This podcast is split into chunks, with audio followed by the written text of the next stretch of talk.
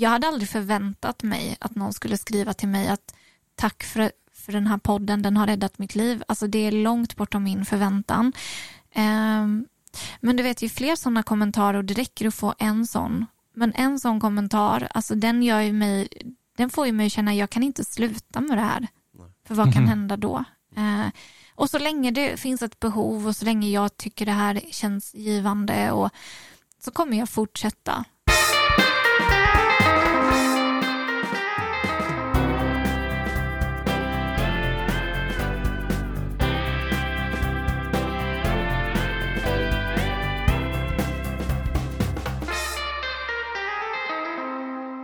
Dagens gäst eh, är Emelie Emily Olsson och, eh, hon tror jag är ett bekant ansikte för många som tittar på SVT. Kanske en bekant röst framförallt för de som lyssnar på hennes väldigt, väldigt populära podcast Älskade psykopat. Eh, både hon och jag har studerat i USA och det är ju något vi har gemensamt. Vi är ju i mediasvängen, det har vi väl också gemensamt, men eh, hon, hon snuddar ju lite vid samma branscher som jag jobbar i. Men i övrigt måste jag erkänna att jag inte vet jättemycket om Emily än, eh, mer än att jag tycker det är så otroligt häftigt eh, att, att hon är från Oskarshamn och gör så otroligt häftiga saker. Eh, du Magnus, vad är din koppling till Emily? Men jag, eh, saken är ju den, jag har ju ingen koppling. Jo, jag hittade en liten koppling när vi snackade innan här. Eh, Ida Arvidsson, gemensam bekant, Annars är det ju bara en stor nyfikenhet som väntar. Ja, men ehm, ja, precis. Jag tänker så här. Ehm, du, ehm, du kan ju få presentera henne. Vad tror du om det? Ja, det gör jag väldigt gärna.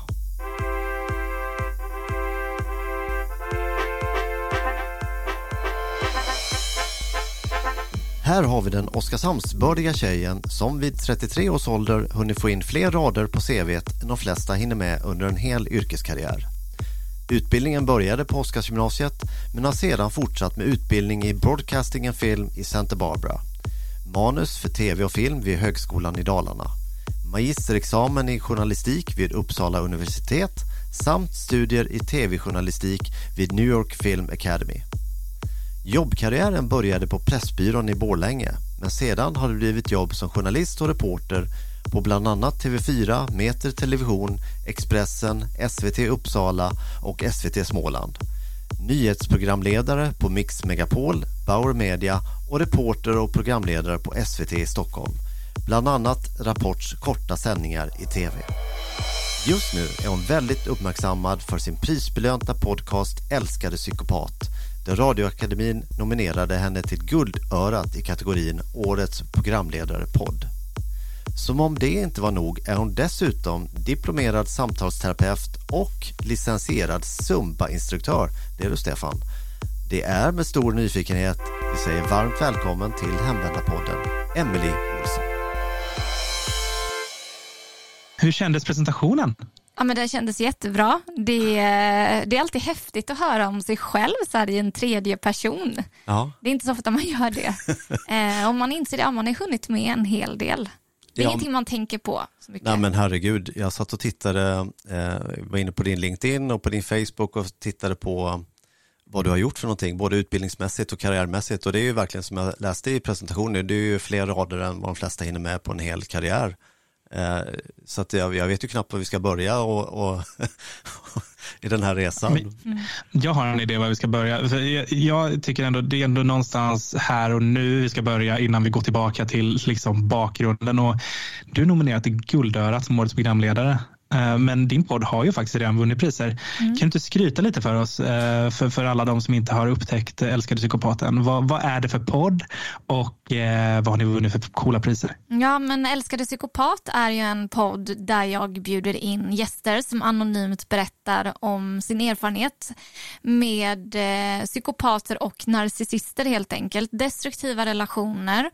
Eh, det kan vara inom kärleksrelationer, familj, chefer på arbetsplatsen men även stalkers, vänner och ja, en väldigt bred podd helt enkelt som har funnits sedan eh, april 2020 och eh, idén fick jag ur en eh, egen idén fick jag ur en egen erfarenhet. Och sen så, ja några år senare så släpptes podden helt enkelt och den fick ju sånt gehör, sånt genomslag. Eh, för att sammanfatta lite kort så ja, jag har varit med i Nyhetsmorgon och pratat om den. Den har nått eh, ja, över 85 000 unika lyssnare på en vecka. Vann Guldpodden förra året i årets intervjupodd och har nominerats tre gånger till Guldörat 2020, 2022 och 2023 i ja, allt ifrån årets podd, årets genombrott, årets intervjupodd och i år då årets eh, programledare för podcast. Vilket känns jättekul och det är väldigt tuffa konkurrenter som Carolina Gynning, Hasse Aro, ja det är några av dem. Det är rätt häftigt. Mm. Det är ju så coolt. Det, är ju, det måste ju, men, men du sa idén fick du av en egen erfarenhet. Vi kanske kommer till den, men liksom hur nischen in på, på, på psykopater, eller ja, psykopater eller narcissister, vad, vad, ja, vad kom den ifrån? Idén fick jag ur en egen erfarenhet och eh, just då så visste jag väldigt lite om psykopati, narcissism. Jag tror att det är någonting som man har börjat prata om mer ja, men på senare tid. Alltså framförallt nu och bara om man går tillbaks något år eller två. Alltså det är någonting som är väldigt populärt. Det görs ju både tv om det, skrivs böcker och så vidare. Men eh, jag tyckte att det behövdes en podd där jag tänkte ja, men om människor ändå kommer in och berättar sin historia. Och fördelen med podcast till skillnad från tv det är ju att du kan verkligen vara anonym. Du syns inte, det finns möjlighet att korrigera din röst. Eh, och många är väldigt obekväma med att bli filmade också. Så att podden görs ju, eh, ägs ju av Bauer Media och det är där jag spelar in podden och Bauer Media äger ju också bland annat Mix Megapol och flera andra kommersiella radiostationer. Och ja, helt enkelt innan podden fanns så var det så här tankar man hade, hur ska jag hitta gäster? Men jag började lägga upp inlägg i bland annat Heja livet och olika Facebookgrupper. Och det var sånt genomslag, det var så många som hörde av sig. Och jag kände det här kommer inte bli brist på historier men jag blev också väldigt chockad över vad människor är med om.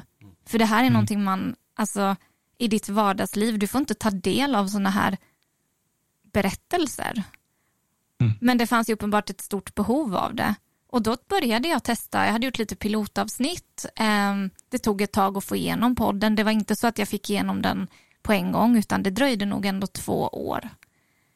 Så ja, och sen tror jag att mycket utvecklas också på vägen att man kanske har en idé hur någonting ska se ut. Jag tänkte inte mig kanske att det kommer vara män med eller att det kommer bli arbetsplatshistorier, inte så från allra första början. Men också när man ser sitt utbud, ja men det finns sådana här historier, det här finns, alltså då breddar man ju sitt perspektiv. Och det jag också vill säga att det finns också en, en relationsexpert som heter Mikael Larsen och det blir ett väldigt bra komplement. Han är väldigt kunnig, han är väldigt specialiserad just på det här området. Och han är med i varje poddsäsong och pratar om, ja, som den här säsongen som kommer nu, då blir det kvinnliga narcissister. Det kan vara hur är det att ha barn med en psykopat och så vidare. Så det är en väldigt, mm. det är en bra blandning, det är mycket historia men det finns också mer faktabaserade avsnitt. Ja, jag mm. tänker att vi, vi kommer tillbaka till podden, Emelie. Eh, och eh, jag tror både Stefan och jag jag tänker innan vi rundar av sen, vi vill gärna ha lite tips nu från dig sen. Mm. Nu kan du feedbacka oss efter vi har pratat här en stund. Så vi, för vi är ju glada, vi är glada nybörjare än så länge. Eh, och eh, det är ju, ja, nu har vi ju ett proffs i studion. Ja, det måste vi dra nytta av. Ja, det tycker jag. Eh, och ska vi göra som vi brukar göra då? Vi, nu, har vi ju, nu har vi promotat din otroligt häftiga podd och hoppas att många hoppar in och lyssnar på den. Eh, men ska vi göra som vi brukar göra då? Och vad brukar vi göra då, Stefan?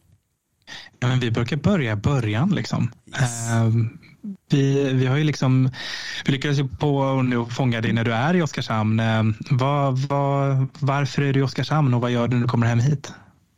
Ja, du menar just idag? Ja, Nej, men, ja just nu. Ja, ja, Det här är lite roligt faktiskt för att min mamma har en konstutställning just imorgon i eh, Kråkerumsbacken eh, Oskarshamns konsthus och eh, vi sitter här på Oskarshamnstidningen och det som var lite roligt när jag kom in här att det är precis en journalist här på redaktionen som ska gå och intervjua henne och fotografera så att jag är för att jag ska gå på min mammas konstutställning och passa på att träffa familjen samtidigt för det blir faktiskt tyvärr ganska sällan jag åker hit. Jag bor ju i Stockholm och mm. eh, som sagt, har man inte bil, åker man buss eller tåg, det är lite svårt, eller det tar ganska lång tid att ta sig. Mm. Så det är därför jag är här. Ja. Gud vad kul med konstutställning. Det känns ju som att ja, men vad mysigt att vara hemma för den anledningen. Hoppas att den blir bra. Ehm, ja. Jag tänker, du pratade om din mamma nu, så då, då tänker jag att det vore kul att kasta oss tillbaka till eh, liksom vem, vem var du när du växte upp här i Oskarshamn?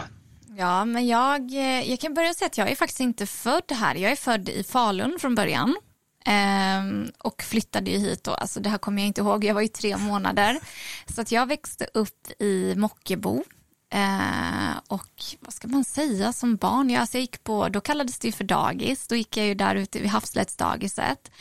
Um, ja, sen vidare gick jag på Norra skolan och jag började tidigt vara väldigt intresserad av musik, har spelat piano.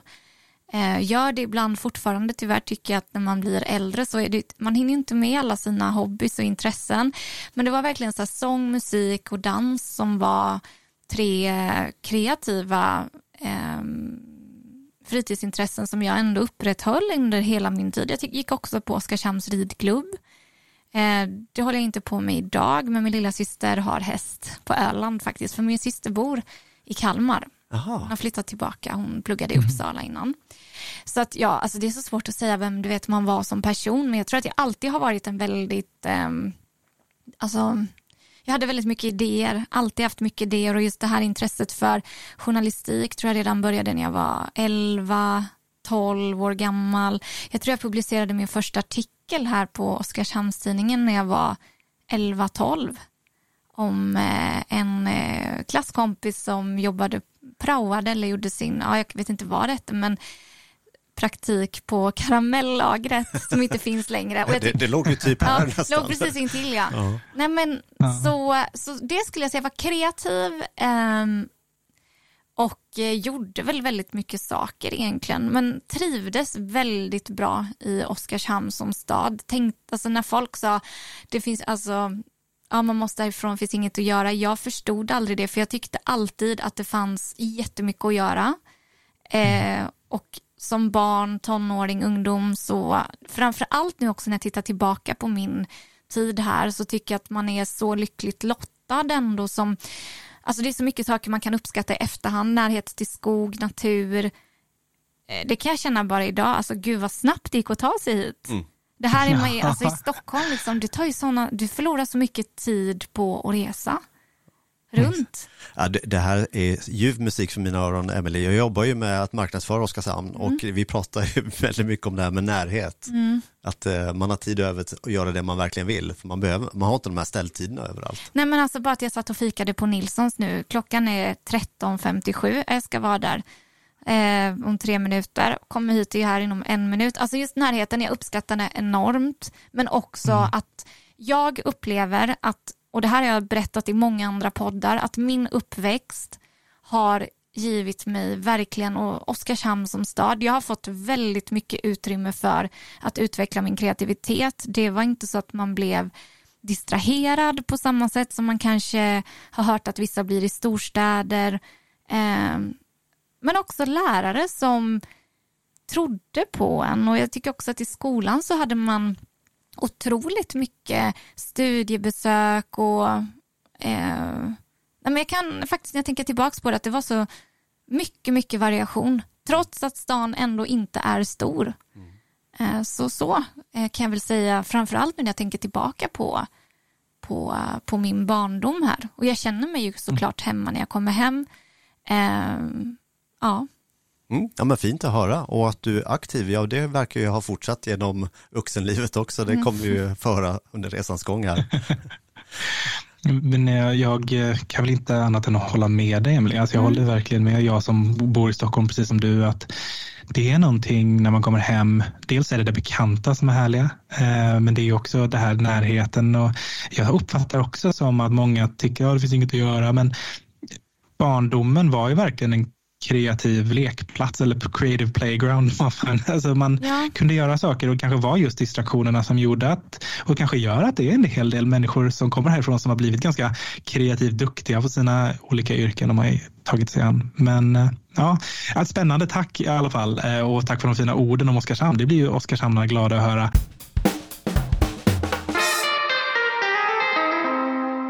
Du Stefan, en, en eh, ledande fråga kanske, men eh, vill du eh, bidra till ett eh, hållbart samhälle?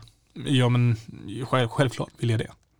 Men du, då, då, skulle jag faktiskt gärna rekommendera att du väljer Handelsbanken när du ska välja bank. De har ju en affärsmodell med långsiktiga affärsrelationer, lågt risktagande och kostnadsmedvetenhet. Det är liksom en erkänt hållbar modell. Om du väljer deras hållbara produkter som exempelvis grönt bolån eller grönt energilån och hållbart sparande, då är du med och, bidrar till övergången till ett mer hållbart samhälle. Vad säger du om det? Jag tycker att det låter som ett eh, givet och väldigt klokt val. Um, tack Handelsbanken för att ni också valt att vara partner till vår podd Hemvändarpodden. Ja, tack Handelsbanken. Tack. Jag tänker att vi kastar oss liksom framåt mot, mot eh, gymnasietiden. Det är ganska en viktig eh, period i livet där man formas som människa. Mm. Vad gick du på gymnasiet och vad, hur var gymnasietiden för dig här i Oskarshamn? Alltså jag gick ju natur fast jag visste nog egentligen att eh, mina, starka intresseområden, mina starka intresseområden är eh, samhälle, Eh, språk, kreativitet, estetiska ämnen. Men eh, av olika anledningar så blev det ändå att jag valde natur för att det är brett och du vet man är fortfarande väldigt ung, man kanske kommer ändra sig och då är det skönt att ha den här breda grunden. Plus att jag alltid har tyckt att eh, psykologi och eh, biologi är väldigt intressant. Så att natur gick jag, ehm, men kan väl när jag tittar tillbaka på den tiden också se att så fort det fanns möjlighet till att göra egna val som projektarbete eller eh, så har jag verkligen valt saker som hela tiden går mot mina intresseområden. Jag tror till exempel det här stora projektarbetet som man gjorde i trean, då gjorde jag en pianokonsert. Eh, och det är inte så ofta man kanske gör det när man går på natur. Inte typiskt natur. Nej, men det är det jag också gillat. Fast, fast att man fick verkligen bredda sina horisonter. Att ja, men de gick med på det. Du får göra en pianokonsert som ditt projektarbete fast du går natur. Och det där är någonting jag alltid verkligen har, framförallt som vuxen, känt att det är så otroligt viktigt att verkligen satsa på det man är intresserad av, det man tycker är kul och eh, där man känner sin, sin styrka för att då tror jag verkligen man kan komma hur långt som helst och man ser mm. möjligheter och man får också självförtroende i att man ser hur man kan utvecklas. Eh, så att det är egentligen mitt råd att alltid gå efter det man tycker om. Mm. För då blir också ens arbete inte bara ett jobb utan men ett, ett jobb är ju en del av ens, en jättestor del av ens liv och så har jag verkligen känt. Alltså jag har aldrig ångrat mitt yrkesval. Nej, och det är lite gemensam nämnare med alla gäster vi har träffat, att mm. man har hittat den här, ja, om det är en passion eller en tydligt intresse som man får förmånen att jobba med på något sätt. Ja, Stefan?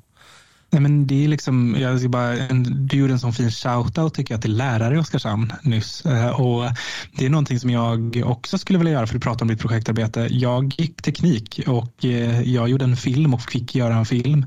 Om man ser det någonstans var det då har lett mig själv i min karriär att jag själv nu jobbar med film. Så jag är väldigt tacksam att jag fick göra den där filmen som jag tänker att många är säkert väldigt tacksamma att de fick göra det de ville som projektarbete. Att du fick göra en pianokonsert, ledde dig vidare mot det audiovisuella liksom på något sätt. Att, att det, det är kudos till Oskarshamns lärare kan man väl ändå säga. Ja men alltså verkligen. Och det, det är ingenting man tänkte på där och då. Eh, man tar mycket som en självklarhet men det är mycket man i sin mer vuxna jag tänker tillbaka. Att eh, precis som du säger att du fick göra en film, alltså man är väldigt tacksam över det.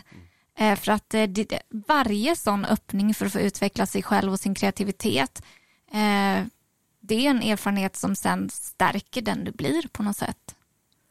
Verkligen, vad fint att få höra från er båda måste jag säga. Jag hoppas att det är många lärare som lyssnar och känner sig träffade. Ehm, men eh, Stefan var inne på det här att gymnasietiden, ja men det är, det är en sån här tid i livet, man, klivet in i vuxenvärlden börjar ju där någonstans. Eh, och men vem var du som person? Liksom? Vem, vad var du för typ av tjej när du gick på gymnasiet? Nej, men jag, var, jag var nog, det här är så intressant, för jag har nog alltid varit ganska tillbakadragen på ett sätt. Framför allt under min, eh, hela min grundskola och gymnasietid. Jag var en person som inte var alls i centrum eller tog mycket plats eller jag hade alltid kompisar men jag var det är nog väldigt många som ändå kanske inte riktigt minns mig eller vet vem jag var. Men däremot så kunde jag liksom plötsligt så ställa mig upp och sjunga för hela skolan och jag tror att det kunde göra folk lite förvånade. Eh, att jag kanske har varit en person som är väldigt svår att placera i ett fack. Ja. Jag får den känslan. Alltså, nu har jag inte så mycket kontakter med folk som bor här, men eh, i och med att man inte har bott här på liksom 15-16 år, det tiden går så himla fort när man tänker när tog man studenten.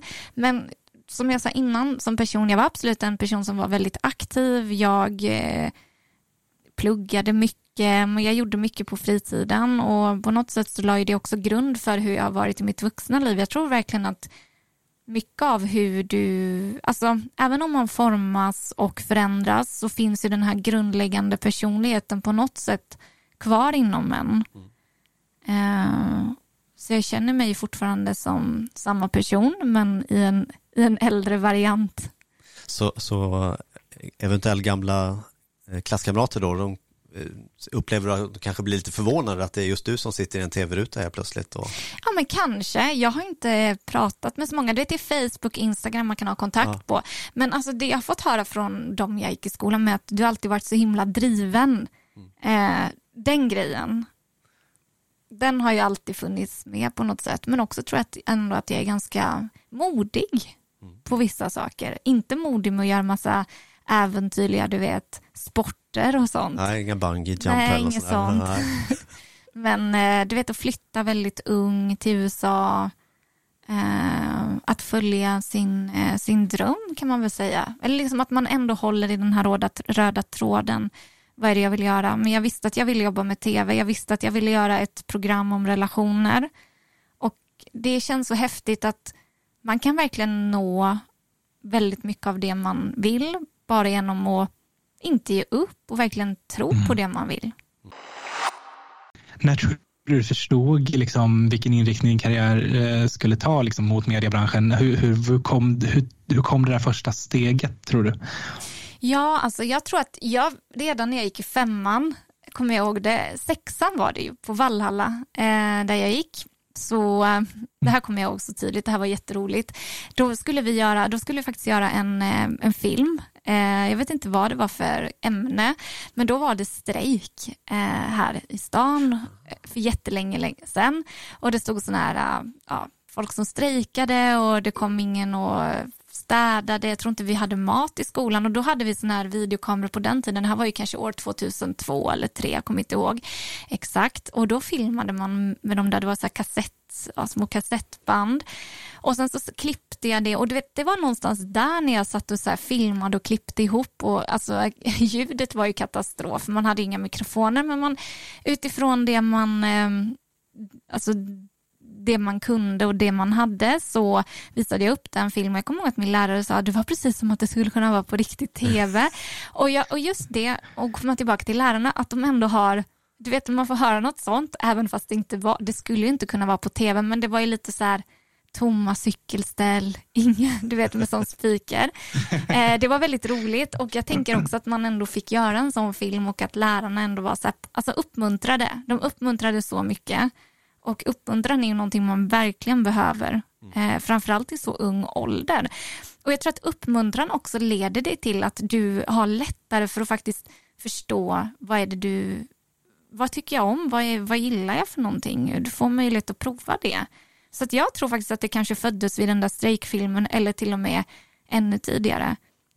Men det var då mycket just med det här med kamera. Jag tyckte att det också varit väldigt kul med, alltså framförallt tv-produktion.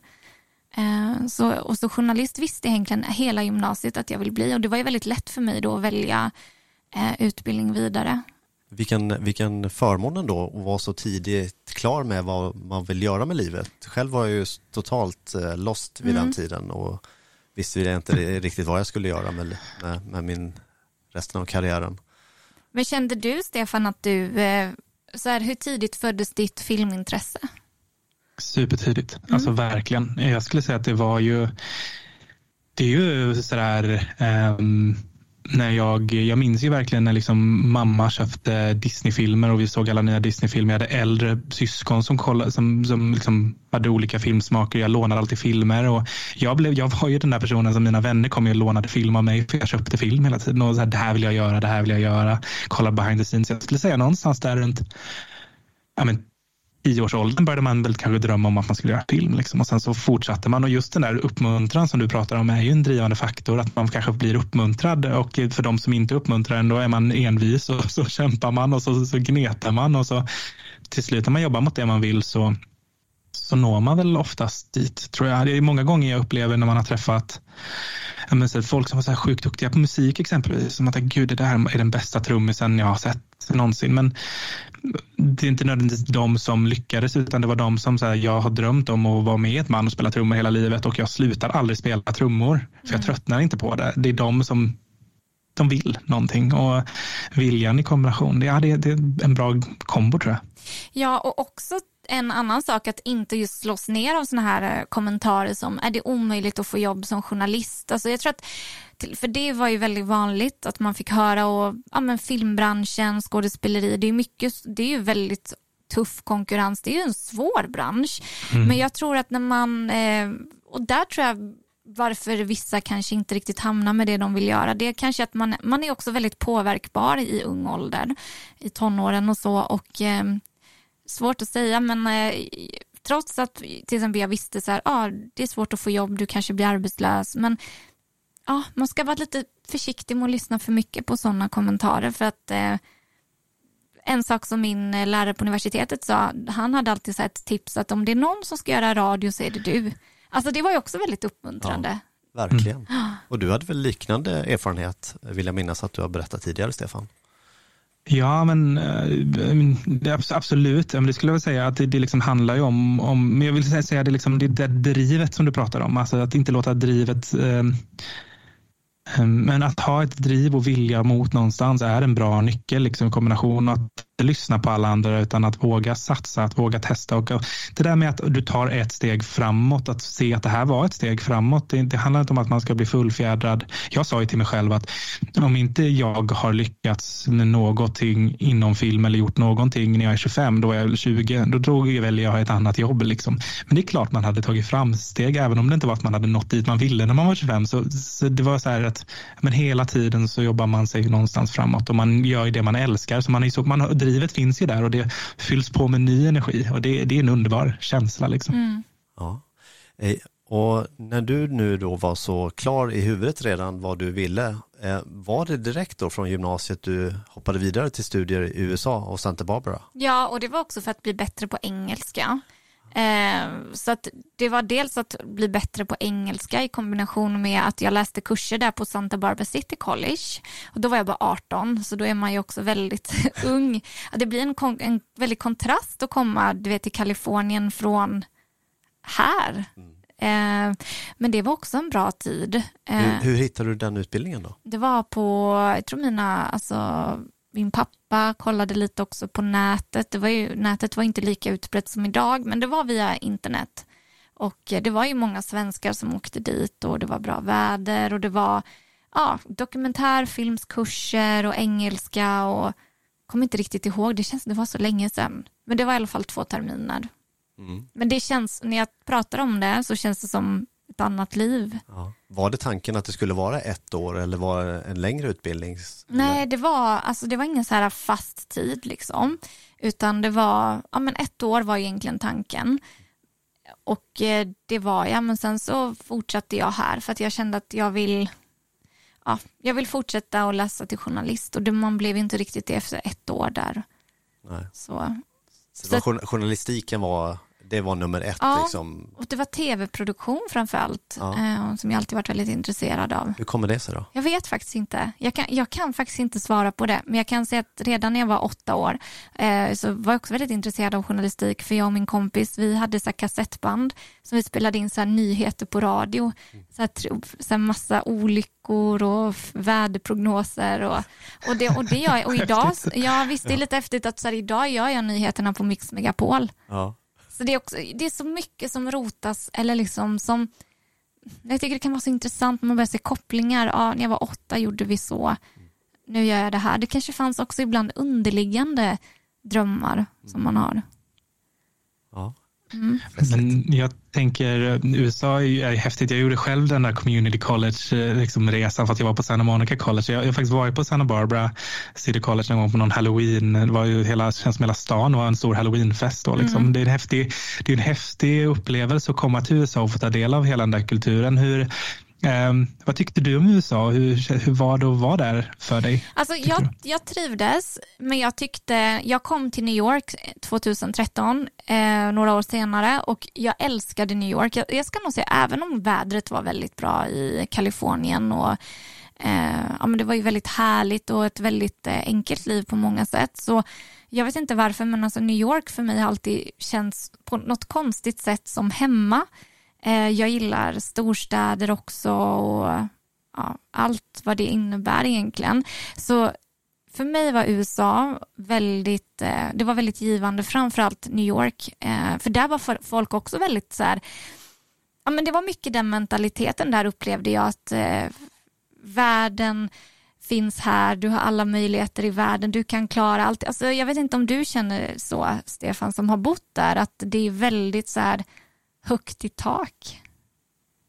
Men jo, USA är, jag tycker ju det, det är ju det är ett land jag beundrar samtidigt som man också, det finns så mycket saker som man tycker är vajsing med det där landet så är det ju ett häftigt land liksom. Jag vill också säga det som New York som stad. Det är ju någonting med New York som är liksom, man har ju vuxit upp på all den popkultur man någonstans har tagit del av. Liksom alla filmer man har sett, man känner sig ju alltid hemma i New York. Det är ju liksom som att man har varit där innan man har varit där första gången. Mm. Det är en otroligt häftig stad som jag tror, om, om de som lyssnar som inte har varit i New York, man måste typ ha besökt New York någon gång i sitt liv känns som. Har du varit i New York? Ja, jag har faktiskt också studerat i USA. Det var ju väldigt länge, jag är ju lite äldre än er, men, eh, men jag var också där och läste på college, community college i eh, Rochester, det ligger i staten New York. Eh, Men jag håller med er, jag älskar också New York. Jag är ingen storstadsmänniska, men jag skulle kunna tänka mig att bo i New York. Alltså det, är en, det är något speciellt med den staden och precis som du säger Stefan, att känslan när man kommer dit att man har, man har varit där fast man inte har varit där fysiskt tidigare, den är ju påtaglig. Så att alla bör ju besöka någon gång. Mm. Ja, men vad, bara för nu när vi ändå är på New York, vad, ehm, ehm, vad var det du gjorde i New York? För det är också kul att veta. Ja, men jag, vad heter det, det här var roligt för när jag var på, eh, upp, i Uppsala där jag läste magisterprogrammet i journalistik så kom det en dag in en man från Journalistförbundet. Jag kommer inte- ihåg vad han hette, men han var i alla fall närmare pensionsåldern. Och så kommer han in där, ja, men ni kan söka stipendium. Eh, har ni tryckt någonting i en tidning eller publicerat någonting, eh, något radioinslag eller något sånt så sök ett stipendium, man kan få 65 000. Och du vet när man är så här 22 då tycker man ju 65 000, alltså det är ju, det är ju mycket pengar men ju yngre man är desto större upplever man summor liksom. Och jag var 22 och tänkte att jag söker det här stipendiet. Och jag hade väl inte tryckt speciellt. Jag, vet, jag gjorde praktik på Sveriges Television ehm, en sommar och hade eh, gjort då, ehm, eh, då hade jag gjort lite artiklar där på webben. Så då skrev jag att, att jag skulle vilja ha ett stipendium till New York Film Academy. Jag vill läsa den här eh, tv-kursen under en höst. Eh, och eh, här är artiklar jag har tryckt och jag tror att jag fick 64 000 och det var det jag sökte och jag var väldigt ung. Men jag tror att kanske att de kände att hon har verkligen en vision på vad hon vill göra sen. Att det där utbildningen kan leda henne framåt. Var det en person som fick där? stipendiet? Nej, det var nog, det var fler. Det var fler. Eh, Men jag tror maxbeloppet var 65 000. Ja. Eh, Så nej, det var jag inte ensam om. Det var många, jag tror att det var många, alltså olika summor och så, men det var ju också så här, alla får inte stipendium som söker det. Eh, Så, så det var det jag gjorde där och då var jag mycket bättre på engelska, jag var några år äldre, jag hade ändå läst film och tv produktion på Högskolan Dalarna. Jag tror att just att jag var lite äldre och hade lite mer ändå erfarenhet gjorde att jag kunde uppskatta det bättre och det är någonting jag upplevt att så här, hela tiden för varje år så blir man bättre på att uppskatta saker. Jag vet inte om ni kan relatera till det. Ja, men absolut. Mm. Det tycker jag verkligen. Gud, ja. Absolut, jag håller helt och hållet med dig. Det är klart, mm. men, alltså, jag verkligen. Eh, ja, det kan jag inte utveckla, jag bara håller med dig. Ja, nej, men det kan vara egentligen allt, till och med att jag kommer hem hit. Alltså, jag kan uppskatta Oskarshamn på många sätt och tänka tillbaka och se det med nya ögon och nya perspektiv. Eh, ja, men man ser nog mer, eh, ja, men även i små saker som man kan verkligen värdera. Mm. Ja, men, eh, och tycker jag är viktigt att påtala i de, de här tiderna. Det gnälls väldigt mycket och det är ganska dystert. Så det är väl fint att, om man kan tänka till lite på saker man uppskattar. Mm. Och skönt att ja, det kommer men... naturligt för dig. Ja, men det, då, ja, och det gör det ju liksom. Sen har inte alla en bra dag varje dag. men det vet man ju att är det inte en bra dag så kommer det komma en ja. bättre dag. Och liksom livet går ju väldigt mycket upp och ner. Mm. Eh, men ofta blir det ju bra. Ja, eh, bara om vi backar då, eller backar gör vi ju inte, men eh, när du var i New York och studerade, då var det film och tv-produktion? Det var tv-produktion. Det var inte kopplat till journalistik specifikt jo, det då? var eller? det. Det var broadcasting. Aha.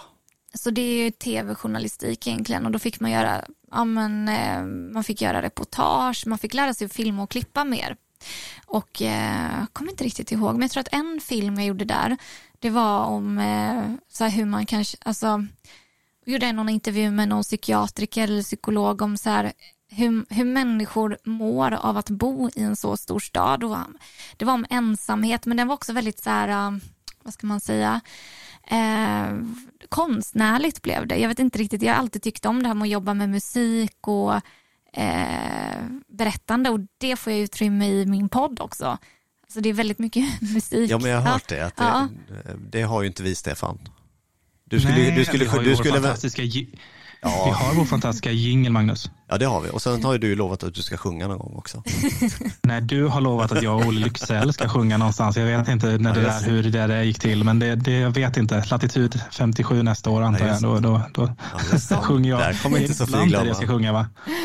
James Blunt var dessutom, men den höga ja, falsetten ska det vara.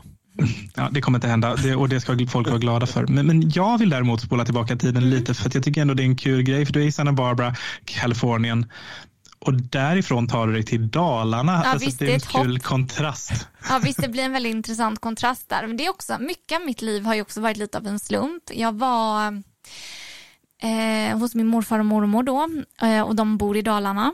Och jag är född där också.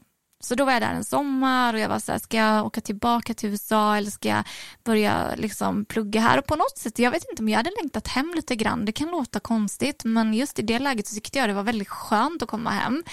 Eh, och eh, det fanns, jag hade inte riktigt i och med att det fanns en del av mig som tänkte, jag kanske frågade innan, var tanken ett år? Ja, men det var lite så att kanske en termin till.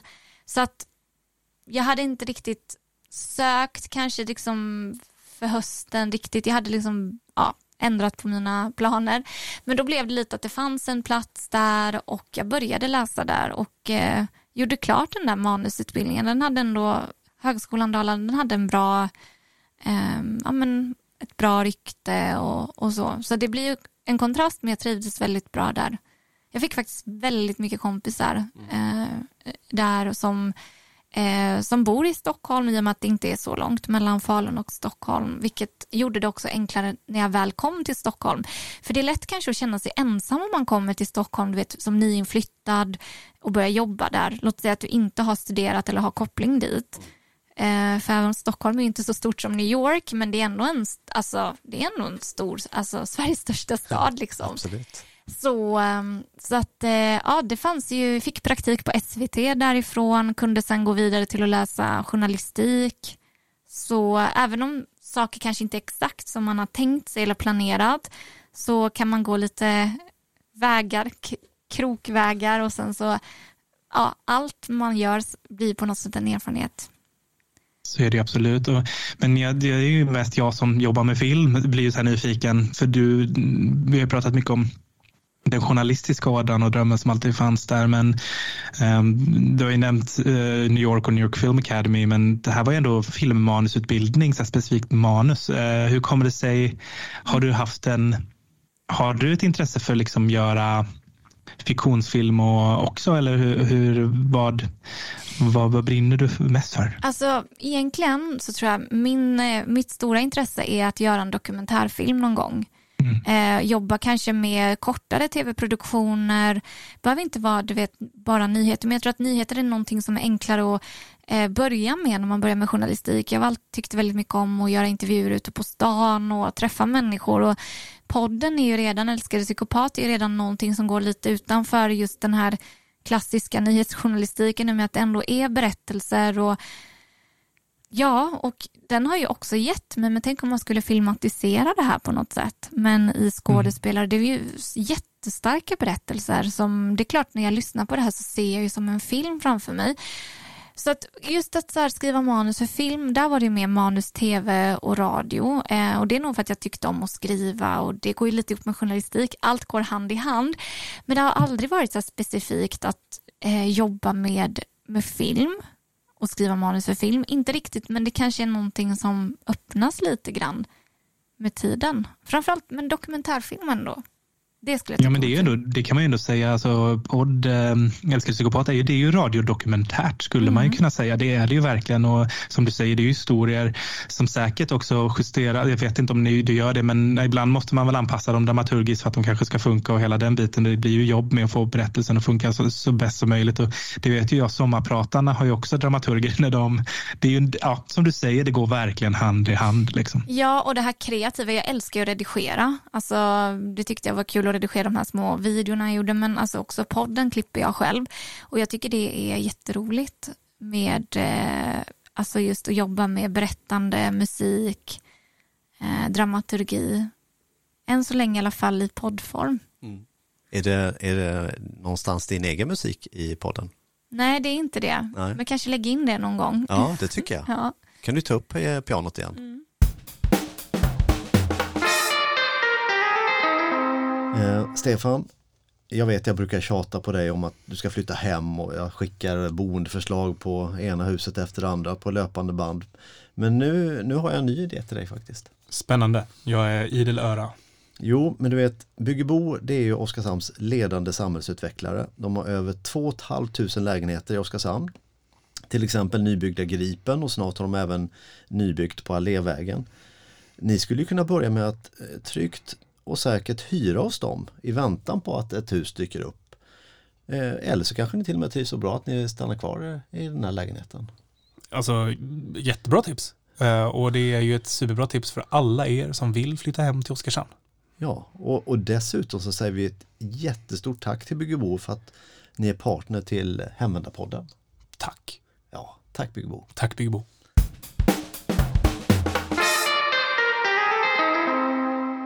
Jag tänker nu, vi tittar på alla dina utbildningar du har gått, mm, mm. så är det ju helt plötsligt en utbildning som sticker ut från mediebruset. Eh, plötsligt kommer det in en utbildning som samtalsterapeut. ja. eh, vad hände där? Nej men alltså den utbildningen vill jag också säga, det var bara på distans, det är ett år så jag är ingen så här KBT-terapeut eller psykolog eller eh, så, utan det här är ju väldigt intressant tycker jag i alla fall för att jag har alltid varit väldigt intresserad av så relationer och psykologi och amen, filosofi kanske lite grann, just det djupare tänkandet. Um, och har ju alltid någonstans tänkt jag vill göra ett program om relationer och när jag satt och tänkte det så visste jag fortfarande inte vad skulle man kunna göra för program om relationer, dating, ja det är så mycket sådana program. Eh, det var väldigt svårt för mig att ens hitta det här ämnet älskade psykopat för att, och det var inte ett ämne jag gick och letade efter utan det var ju en erfarenhet som plötsligt då hade jag precis blivit klar med den här relationsterapiutbildningen försökte med lite så terapisamtal, vilket var jättesvårt eftersom att man var helt okänd och nej, men det gick ju inte alls bra. Ingen, alltså jag tror jag hade en, en klient totalt, så att jag slutade med det. Däremot fick man ju lära sig mycket om Ehm, alltså jag fick lära mig saker som jag verkligen har nytta av när jag eh, programleder min podd. Som verkligen handlar om relationer. Och det tycker jag också är intressant att man säger, okej okay, jag är intresserad av relationer, jag pluggade ett år. Ehm, det jag kanske tänkte att göra utav det funkar inte. Men sen har man det ändå där, man lägger det lite på hyllan. Men man har det i åtanke, men jag vill göra ett program om relationer och sen så händer någonting som gör att du plötsligt har, alltså jag tror många idéer kommer också från ditt verkliga liv. Eh, vare sig det gäller bok, film, podd också. Eh, så, så att jag har haft nytta av den, eh, de kunskaperna i, i, podd, alltså i min podd. Mm. Så det var där, så det var inte sådär hux flux, alltså som man bara, däremot kan man undra zumba-instruktör var kanske lite mer bort från ja, ämnet. Det kan vi ju ta där i farten ja. då. Hur, ja, hur kom, hur kom zumba var väldigt populärt, typ 2010 Eh, Eh, jag gick väldigt mycket på Zumba och tyckte det var jätteroligt. Så var det så här, det kom utbildningar och, och där tror jag min, liksom, lite av min spontanitet, ja, men det där kan man ju testa. Eh, men det är ingenting, och det är ju, på bland annat TV4-gymmet så var jag Zumba-instruktör när jag jobbade där eh, lite grann. Men sen Zumba är ingenting jag dansar längre utan nu är det mer salsa och Ja. Det, det, har jag sett. Jag har ja. ju stalkat dig lite ja. på mm. sociala medier. Jag såg ju någon film du la ut ja, där. Men lite såg väldigt proffsigt ut. Ja, men tack. Men alltså, ja, så zumba är inte så. Jag kanske går och testar zumba lite igen. Dans har jag i, ja, det tycker jag om att, att hålla på med. Men eh, jag vet inte varför egentligen. Alltså, idag hade jag aldrig utbildat mig till zumba-instruktör. Men eh, ibland har man ju grejer man gör och sen bara det där, alltså det, intressen kommer och går lite grann. Ja. Har du dansat zumba, Stefan? Nej, det har jag inte. Jag, eh, nu ska jag, vet inte om jag ska hänga ut min, min fru här. Eh, hon kan dansa, men hon, hon hon brukar kritisera mig ibland när jag dansar. Jag har, jag har väldigt orörliga höfter om man säger så. så jag, jag, är ingen, jag brukar hon säga, jag, jag är ingen, dans, jag är ingen dansant person. Jag, ehm, ja, vi kan, vi, vi, kan, vi kan ta varandra i hand där, Stefan. Ja, men vad skönt. Ja, vi, eh, vi har ju någon som kan lära oss Zumba här nu tänker jag, så att i, i sådana fall så ja, om det är något jag ska testa så får det bli Zumba. Vi har samlat på oss en imponerande kompetensbredd här nu. Nu har vi en Zumba-instruktör också. Verkligen. Men om man, om man kastar sig tillbaka från, från dansen till karriären så tycker jag det är um, ganska fascinerande. Du, du har ju hunnit med så otroligt mycket, pratar vi om hela tiden. Och jag menar, du pluggade på Jönköping universitet. Och sen ja, det var liksom, också en, distan, en distanskurs. Ja, det var distans. Mm, mm. Mm.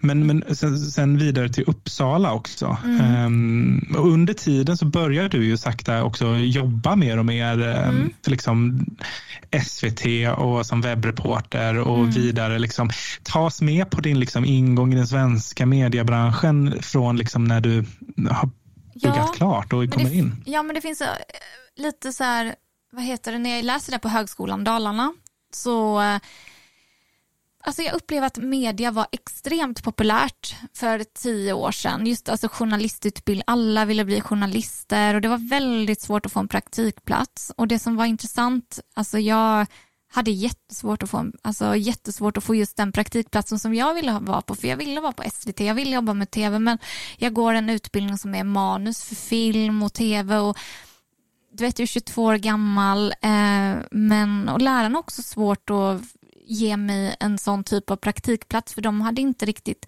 journalistiska kontakter på det sättet. De fördelade praktikplatser med på filminspelningar och produktionsbolag. Men jag mejlade själv då, det har alltid varit min grej, jag mejlar till alla chefer liksom. Så var det en, och jag hade nästan gett upp hoppet, nej men jag kommer nog inte eh, få någon praktikplats för det är ingen som hjälper mig här och eh, jag får inga svar någonstans. En vacker dag får jag eh, ett mejl att ja, jag hittade ditt mejl här, eh, eh, undrar om du skulle vilja göra praktik och det var Sveriges Television. Jag var webbreporter, jag åker till Stockholm och eh, får jag skaffade min praktikplats där och de var ju väldigt så här på skolan där på högskolan och de tyckte det var så skönt att jag hade ordnat det här nu för det hade varit så mycket problem. Eh, och jag började jobba där, gör praktik, eh, fortsatte få sommarvikariat och då när du på något sätt har ändå din fot inne där då blir det ju enklare nästa gång. Men mm. jag var inte journalist då, så sen läste jag journalistik på Uppsala universitet och sen fick jag praktik en gång till då, men på eh, Stockholms lokal-tv. Då var jag 23 och sen så åkte jag till New York en termin, jag fick det där stipendiet.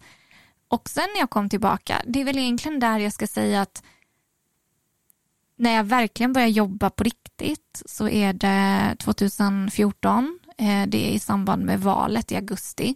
Då får jag jobb på TV4 och då är det också på deras live-tv och webb och text-tv. Och det är också så intressant, alltså man har gjort grejer som man aldrig har tänkt sig. Jag har skrivit artiklar på allt om bilar och det är ingenting jag har sökt till. Men du vet att man hamnar på en redaktion, men då jobbade jag på Expressen ett tag, livsstil och då fick du, ja men du ska göra lite, någon, någon artikel hit och alltså man hamnar också på allt om vin tror jag gjorde, skrev någon. Och det är, nytt, alltså det är så nyttigt också att man gör grejer som man kanske inte har tänkt. Alltså, och inte man klarar av det här också. Man måste ju lära sig oerhört mycket som journalist. Man lär sig jättemycket och man utmanas jättemycket. Och, ja, det, är, alltså, det har varit i och med att också varför man hoppar omkring, ja, men det är sådana, det är väldigt svårt att få en fast anställning. Det är mycket frilansvikariat, projektanställningar och så vidare och det gör ju också att du blir tvungen att byta arbetsplats mm eh, och söka nytt och jag har ju varit på SVT Småland i Växjö och var här ett tag också och jobbade som reporter och ja, men allt det jag har gjort i, eh, i mediebranschen har ju på något sätt givit mig erfarenheter som ledde till att jag Ja, för alltså i år var programledare på Rapport eh, och live-tv. Och det var ju de sena rapportsändningarna, men ja, det var ju också en så här, det är också något jag drömt om, att få vara programledare på tv, så det är jätteroligt. Ja, det... Hur var det första gången när det var liksom på tv? TV? Var det nervöst? Ja, det var så nervöst. Hur hanterar du nervositeten? Ja, men alltså, jag är jättenervös innan. Men jag tror det, att det är så. Och jag tror inte heller det är så att man gör det där fem gånger och sen är man inte nervös längre. Utan du blir alltid lite nervös. Men det är också, du får en viss, ett visst förtroende för dig själv. Ja, men jag klarat det. Då kommer jag klara det igen. Eh, och sen så tycker jag också att när man väl börjar så släpper det lite grann. Alltså, det är alltid värst i början. Mm. Jag vet inte om ni kan mm. relatera till sådana saker. Absolut. Mm. Det, ja, men, det, allt, det är ju, ibland så har man ju, vi har pratat om det tror jag i podden, men jag pratar väldigt ofta med mina vänner om det som kallas för the imposter syndrome. Känslan av när ska de komma på att man inte har en aning om vad man håller på med. Och det är den här liksom från första början, det första jobbet man gör i en mediebransch eller vilken bransch som helst. Är det så här, jag sa nu att jag kunde göra det här, jag kanske inte kan det 100 procent för jag har aldrig gjort det förut, men det är liksom chansen in. Och sen lever man kvar i den där känslan. Sen upptäcker man att det har gått 10 till 12 år och som har gjort en miljard saker. Men ändå har man den här känslan av att åh, shit, när ska de komma på en? Eller gud vad nervös jag är inför det här. Men samtidigt så är det ju så när man tänker tillbaka att nej men nu har jag gjort det här så många gånger. Och när man väl börjar komma till den insikten att nej men jag vet vad jag håller på med. Då, då, då är det just den här erfarenheten man har samlat på sig som, som är en del av en. Och då är man inte lika nervös men det finns ju alltid en nerv där och det ska det ju göra. Mm. Men jag tänker det här är ju lite mer av ett performance. Det är ju lite som artisten ska upp och ställa sig på scenen. Du ska mm. ställa dig eller sätta dig i den här scenen och mm. du ser inte publiken men du vet att de finns där. Ja, just den där lampan också. Det är en så här, i en tv-studio så, ehm, så är det som en, precis som här inne, alltså det är en röd lampa. Då vet jag, okej nu är jag live i tv. Eh, ja, det, vet du, jag kan nästan bli lite nervös. Alltså, man kan känna det i sig. På det. Ja, i, i stunden. Men ändå så måste jag säga att det märks inte så mycket utåt. Nej. Men man skärper, alltså en viss, viss grad av nervositet är ju också väldigt positivt. Absolut. Man skärper sig. Samtidigt vet du ju, du har ju, också, du har ju, jag tänker att i och med alla de här reportagen du har gjort så har du ju någonstans en backbone som mm. vet att det här, du kan det här. Ja, Eller känner du så? Ja, alltså, men ändå så tycker man aldrig känner sig så här fullärd. Eh, det men det är klart att du får en viss trygghet i att du känner att du har gjort det här och ju fler sändningar man gör desto mer trygg blir man. Mm. Absolut, du utsätter ja. dig för samma situation. Ja, verkligen. Hur, hur blir det efteråt då? Kommer liksom nästan som ett rus efteråt? Att, eh... Ja, det är blandat. Eh, jag skulle nog säga att efteråt är det så åh skönt att jag klarade det. Ja. Eh, man går och tittar på sin sändning. Ja, men det, det är någonting roligt, alltså det är någonting speciellt i det. Men du ser fram emot den då? Ja, det gör jag. Ja. Så du, nu siktar du mot eh, liksom, tidiga rapport och, och sådär? Ja, vi får se. Ja. Jag eh, har varit med i tv en gång i SVT faktiskt, som mm. Morgonsoffan, eh, eller Morgonstudion, eh, när eh, jag hade lansering för min tv-serie. Och Visst, vad, vad, var det för, vad var det för tv-serie? För det var ju någon serie som spelades in här, visst? Ja, det var Igel som är en tv-serie som mm. utspelas i Oskarshamn som en ungdomsserie eh, var det. Och då var jag med en av skådespelarna. Han var ju jättekameravan och jag var inte alls det. Så jag tror jag liksom då sa de ju allt det här, tänk på lampan och när man går och just det där det du pratar om, den där spänningen och jag, och jag sitter ju bara som ett, liksom, som ett ufo och kollar runt på allting. Så när vi går in i sändning sitter jag och kollar, så här, stirrar till höger upp på en monitor och ser ut som en idiot. Liksom. Jag, var inte, jag, var inte, jag var inte gjord för tv. Jag, jag imponeras ju varje gång jag ser liksom, nyhets, alltså där de vet, ni vet vad ni gör. Liksom. Ja, det blir, jag ingen aning. det blir en vana också, men det, jag tror att alla är nervösa. Alltså. Jag, jag, tror inte att det finns någon som i live att man kan bli helt. Nej. Det är en viss anspänning ändå. Ja.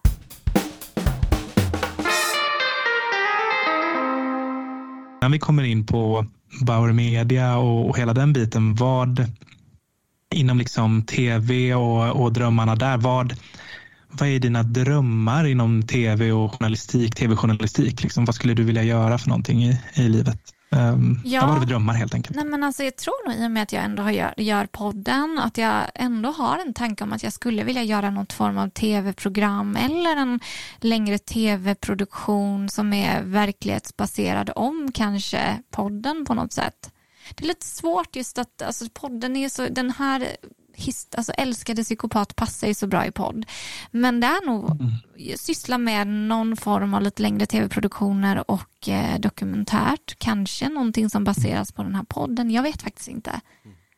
Nej. Eh. Det, är, det är spännande när man hittar också ett sånt, eh, men då kan vi egentligen, vi kan ju, vi kan ju möjlighet att återvända tillbaka till journalistiken. Vi kan kasta oss in på Bauer och prata lite mer om podden, för det är ändå där du är i livet. Och, och men om man tänker liksom hur, hur hamnade du på Bauer till att börja med? Ja, det är också lite av en slump kan man väl ändå säga. Jag hade mejlat, eh, jag faktiskt här, jag jobbade på Expressen i Idénskrapan. Jag vet inte om ni vet var den ligger i Stockholm, det är ett väldigt högt hus på Kungsholmen och våning fyra där, då var det Expressen och då gick man alltid de där trapporna eh, och där var jag under en ett års tid eller något liknande och sen så gick jag ju alltid förbi Bauer Media, man såg när Mix Megapol, Energy och på något sätt så, du vet när man går förbi någonting, lite nyfikenhet men man fortsätter ändå vidare upp, man går aldrig in där och tittar. Eh, men man blir konstant lite omedvetet på, påmind eftersom man ser det där varje dag i sin, i sin trapp när man är på väg till jobbet. Eh, så då blev jag ändå tänkte jag när jag behövde söka jobb sen att eh, där skulle jag, där kanske man kan söka. Så då gick jag in på liksom deras hemsida, hittade nyhetschefen, mejlade hej, eh, jag söker jobb på nyheterna här och det var en sommar och då fanns det ingenting. Men eh, sen återkom hon till mig och då var jag på en annan plats och kunde inte. Men sen 2018 så sökte jag till Bauer Media och fick jobb på nyheterna på radion. Och då var det verkligen bara på helger, alltså det var inte alls så mycket men jag kände ändå, det var någonting inom mig men det här kommer bli bra. Jag hade en väldigt bra magkänsla kring eh, Bauer Media och då var det också intressant för att i receptionen så låg det lappar, har du en poddidé? Och jag hade haft eh, innan då en erfarenhet där jag ändå hade börjat så här spåna lite på det här älskade psykopat. Men inte att det skulle vara en podcast, för att podd var inte förlåt, podd var inte jättepopulärt 2018. Alltså det är någonting som har blivit jättepopulärt nu sista åren. Men det kanske var populärt men jag kände inte till det. Så absolut hade det kunnat vara. Men då när jag såg de här lapparna på, eh, i receptionen så tänkte jag okej, okay, eh, men jag har en idé här. Så då pitchade jag in den under våren. Eh, och eh, sen där två år senare så kom Älskade psykopat. Så det var inte av podden, det var inte av den anledningen som jag började där. Men det är också mycket i livet så att det ena leder till det andra. Har ni inte känt det någon gång? Att det är så en grej och... Det är de här sliding doors ögonblicken mm, hela tiden. Mm. Jag tycker vi har pratat ganska mycket om dem i podden, sliding doors ögonblicken. Att alltså, jag tror hela tiden det, men det är också, det är inte bara eh, slumparna utan man sätter sig i situationen av slumparna som någonstans gör att man hamnar där. Kan jag känna. Du menar, du hade ju ändå då, det var ju inte, du tog ju tag i det och sökte till Bauer Media och där fanns den här, alltså det var det, då där connectades de, the dots för att, för att liksom ändå, eh, det var väl meant to be kanske? Ja men alltså kanske och just det här när man har en bra känsla kring någonting att man ändå ska gå på den. Eh, att så här, jag, jag kände att jag vill verkligen, jag vill vara där. Mm. Eh, mm. Och sen nu har jag jobbat där i, alltså, i februari blir det sex år. Podden har ju funnits tre och ett halvt år. Ja, så att eh, jag har verkligen fått utveckla mig jättemycket tack vare Bauer Media. Ja. Hur fungerar det då? Är det som en anställning du har där eller är det som ett uppdrag du har i ditt bolag? Eller? Nej, utan alltså, de äger podden och jag eh, ja, frilansar skulle man kanske kunna säga, man fakturerar. Mm. mm. Men då, vi har ju pratat om poddens eh, uppkomst, men liksom, eh, var det så egentligen allting började på Bauer? Med, var det liksom podden från början redan eller kom den successivt? Hur lång tid från att det började till att eh, du fick igenom idén tog det eh, ungefär? Ja, först, alltså, från första början så var det ju mer att jag var på nyheterna. Eh, började med på helgerna och sen blev ju det successivt mer och mer. En annan grej jag kom in på det var ju söndagstrafik, Stockholmstrafik i radio. Eh, för man vill ju ha mer och mer jobb och möjlighet. Eh, så det gjorde jag ett tag också, så nyheter och trafik.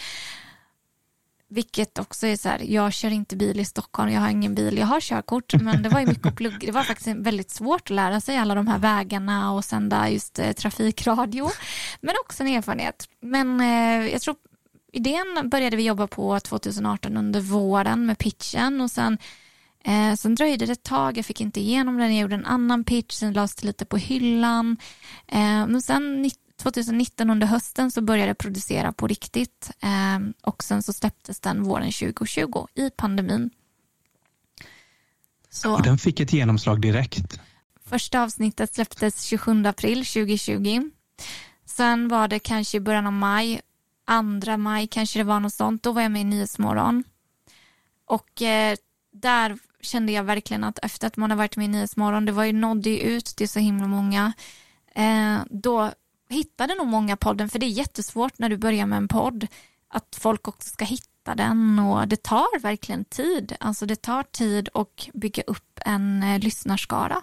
Ja. ja, men det säger vi. vi. Det ökar ju för varje avsnitt vi gör, men det tar ju tid. Och då kan jag tänka att det är stor hjälp att ha en sån aktör som Bauer Media mm. i ryggen som kan som har rätt kontakter och mm. kan dra rätt trådar som man sitter i Nyhetsmorgon till exempel då. Ja men alltså man får ju spela in i poddstudio du vet och ja precis man får hjälp med man har plattformar.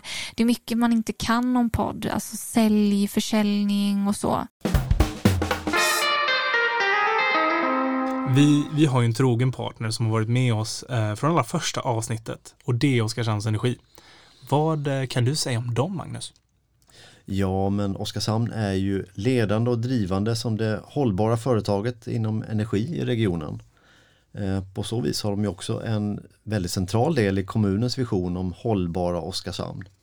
Eh, de levererar förstås el men de erbjuder också en rad olika innovativa produkter och tjänster. Vet du några av dem, Stefan? Klart jag gör. Alltså solceller, laddning till elbilar, biogas, fjärrvärme och mycket, mycket mer. Ja, det är lysande och tack också för att ni ger oss energi som partner till Hemvändarpodden. Tack Oskarshamns Energi. Tack snälla. Vi ska också tacka Oskarshamnstidningen som upplåter sin eh, fina poddstudio till oss. Eh, Cornelia Höglind som har tagit de snygga fotona på mig och Stefan. Det är sannerligen ingen lätt uppgift att få till det snyggt. Eh, Molly Minot och Adam Dimker som har gjort eh, intro och jingla till oss och sen då Anders Ekblad som eh, har den eh, delikata uppgiften att klippa ihop allt det här som vi sitter och pratar om.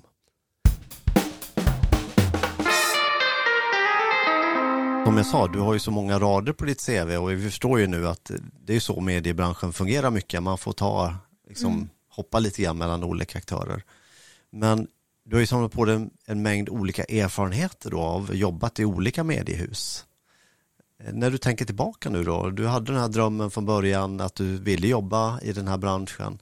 Hur är det nu då? Nu är du ändå, mm. du har hållit på ett tag. Mm. Vad, vad, vad, vad, har du för reflektion och erfarenheter med dig och, från allt detta? Ja, alltså jag har ju en reflektion av att man har ju fått göra så mycket mer än vad man någonsin trodde att man skulle få.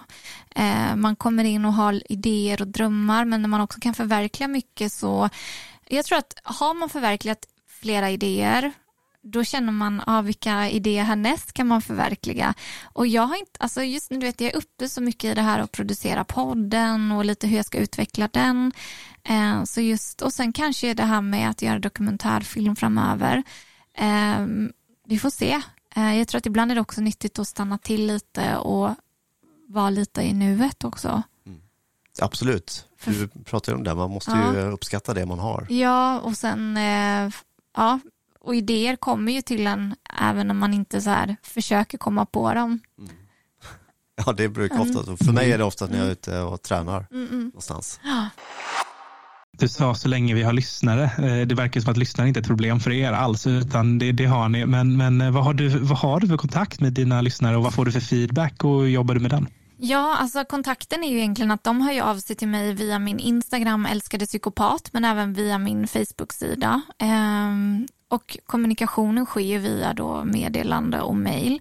Och det jag tycker är så himla fantastiskt det är ju alltså att jag får in jättemycket respons. Ehm, jag kan läsa upp eh, faktiskt respons som har kommit upp, inte allt eh, för länge sedan, senaste veckorna. Och då är väldigt, van, ja, ja, väldigt vanlig respons det är till exempel, jag vill börja med att tacka dig för din podd som i princip har räddat livet på mig. Att få höra andras historier och det de varit med om, om samma sak som mig, det blir som en tröst för en. Eh, någon annan har skrivit jättebra min överlevnad eller jag har inte följt din podd allt för länge men så fort jag hittade den så tog det inte lång tid innan jag hade plöjt alla avsnitt och jag kunde relatera till så många av historierna.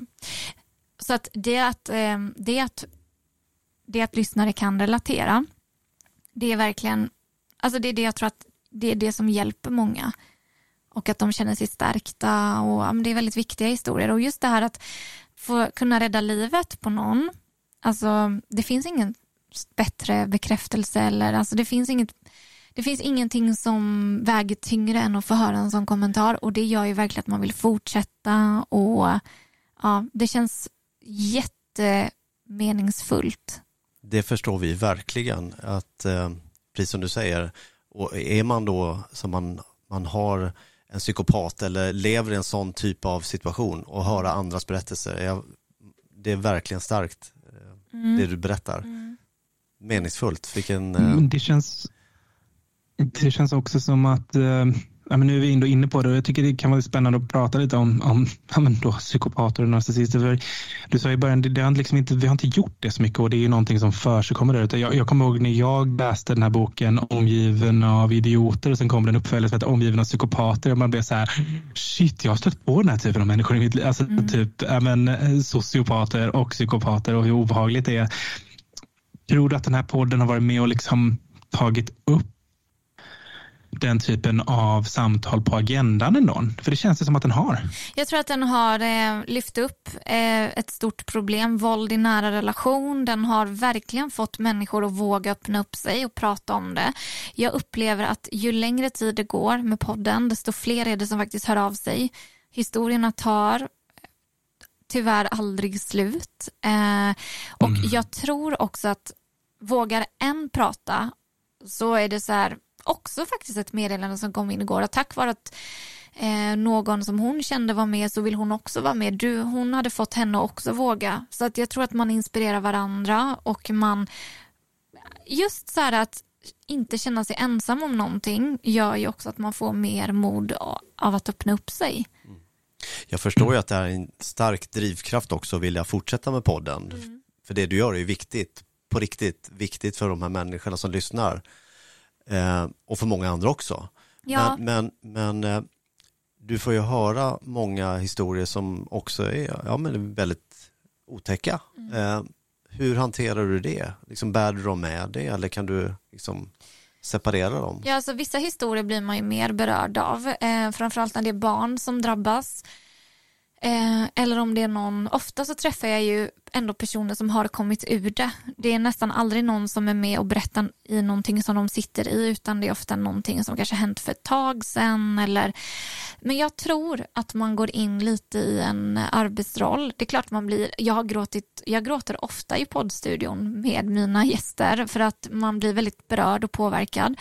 Men sen så eh, på något sätt så man har så mycket annat också som är rent praktiskt, okej okay, nu ska vi spela in, nu ska vi, alltså, jag tror att ibland kommer det i kappen lite senare när du får en lite lugnare period. Man faktiskt funderar på vad är det jag har lyssnat på, vad är det jag har suttit och klippt. Man blir så fokuserad mm. på det man ska producera. Eh, men det är klart att man blir väldigt påverkad och man, eh, eh, ja, men man har ju, det är hur man påverkas. Man, på något sätt så tycker jag också att det kanske är bra att man ändå har en viss, eh, att man ändå har den här jobbrollen för att klara av att göra det. Den här gärningen du nu gör, ändå, vad, och drivet i det du har, vad skulle du säga att det kommer ifrån? Just med temat psykopater och narcissister. Ja, alltså, jag tror att jag hade inte tänkt så jättemycket mer än att jag hade en erfarenhet och jag hade en, en, en idé som jag kunde omvandla till någonting ändå kreativt. Eh, det ändå får in det här med att jag vill jobba kreativt, jag, jag vill jobba med intervjuer, jag vill jobba med psykologi, få de här samtalen. Jag vill också kunna lyfta upp någonting som är viktigt. Eh, så att jag tror också att en drivkraft eh, är också något som skapas under resans lopp. Eh, det kan vara mm. saker som jag hade aldrig förväntat mig att någon skulle skriva till mig att tack för för den här podden, den har räddat mitt liv. Alltså det är långt bortom min förväntan. Um, men du vet ju fler sådana kommentarer och det räcker att få en sån. Men en sån kommentar, alltså den gör ju mig, den får ju mig att känna att jag kan inte sluta med det här. För vad kan mhm. hända då? Uh, och så länge det finns ett behov och så länge jag tycker det här känns givande och så kommer jag fortsätta. Uh, för det är inte ett enkelt problem att lösa. Nej.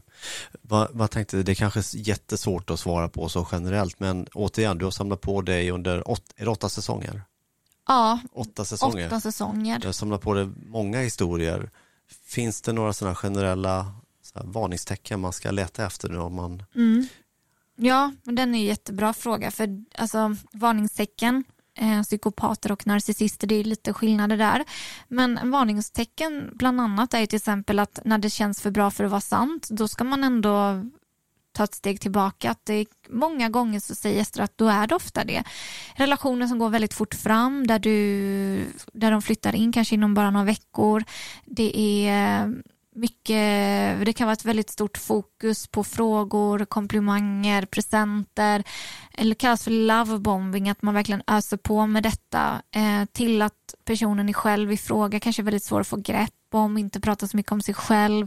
Psykopater har ju inte så mycket mm, Alltså de är väldigt ensamma, eh, har ofta inte så mycket vänner men de kan ändå vara väldigt karismatiska.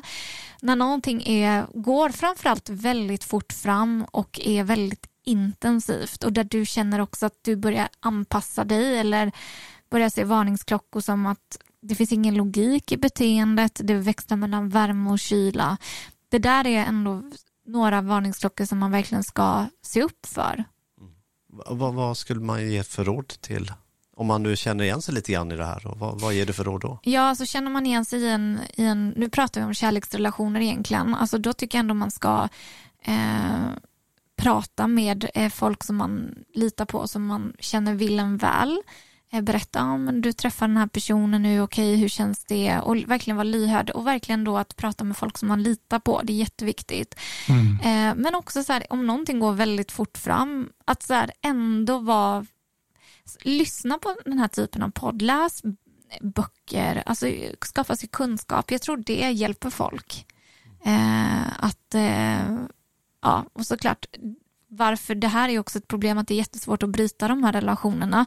Just för att det är väldigt mycket manipulation, det är lögner, det är härskartekniker, kontrollbehov, isolering. Det är vidare in efter de här första varningstecknena och eh, följs av nedbrytning och så vidare. Och det är väldigt svårt att bryta.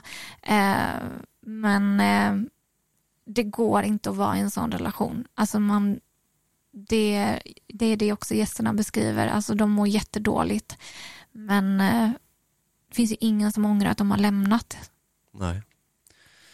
Ja, hur eh, det, det... Ja, det är verkligen det är tungt. Det är tung tematik här. Det blir ju det när man mm. pratar om det här. Men, mm. men äh, än så viktigt. Men jag tänker när du har jobbat på den här typen av otäcka berättelser och det har hänt. Alltså, du upplever aldrig att du har känt dig hotad för att men det här är ju människor som de har tagit sig ur som är, okapa, som är kapabla att göra saker som inte vill. Har du någonsin upplevt att du har fått hat från en viss typ av människor för att du gör det här eller är det, är det liksom kärleken övervinner det?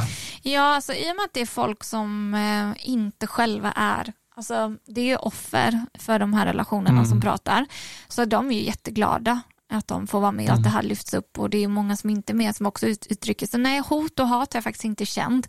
Sen kan jag säga det finns absolut folk som inte tycker den här podden är bra eh, och har åsikter om gäster eller hur jag är eh, och det kommer alltid finnas folk om och jag tror det är egentligen det är väldigt svårt att göra alla nöjda och glada. Det går inte, det går kan jag säga direkt. Ja. Nej, det går inte. Men hur hanterar du det? Skiter du i det eller, eller blir du liksom mm. starkare av det? Nej, men alltså, jag tyckte det var jobbigt eh, i början när man läste recensioner. Alltså det, jag, jag är en person som tar åt mig av, av kritik. Eh, jag är så, eh, jag är känslig så, det är jag verkligen. Så att på något sätt är det också lättare att ta till sig av det negativa än det positiva. Även om det positiva ofta är mycket mer så tycker jag ändå att man ändå kan haka upp sig på negativa kommentarer. Ja, visst är det konstigt. Gud, ja. Du får höra att du räddar liv och sen kommer det en ja. tråkig kommentar så är det mm. den man somnar med. Ja, men det är så, jag är ju också inte alls, vi är ju i samma, i samma skrå och rör oss. Det är ibland så här, det är sån Egentligen borde, alltså att, att man har jobbat med något i fem, sex år eller exempelvis och så kommer en person och spenderar en halvtimme av det och bara totalratar och säger något taskigt om det. Ska ju inte betyda någonting när så många andra kanske tycker det är bra men det är stört tror jag funkar. Man måste bli bättre på att bara låta det rinna av som vatten ibland tror jag. Ja, alltså verkligen. Men jag vet inte om det är människan, alltså man är lite överlag, jag tror att många kan relatera till det. Det tror jag absolut. Ja, absolut. Det tror jag med. Det, det är mycket Men, lättare jag... att fastna i, i, negativa saker, tyvärr. Vi borde vara mer som du sa inledningsvis, Emelie, att tänka på uppskatta det vi har och mm. tänka på de här positiva sakerna. Men det är ju jättelätt att fastna i det där. Precis som det är mycket lättare att skrämma människor än att ge hopp.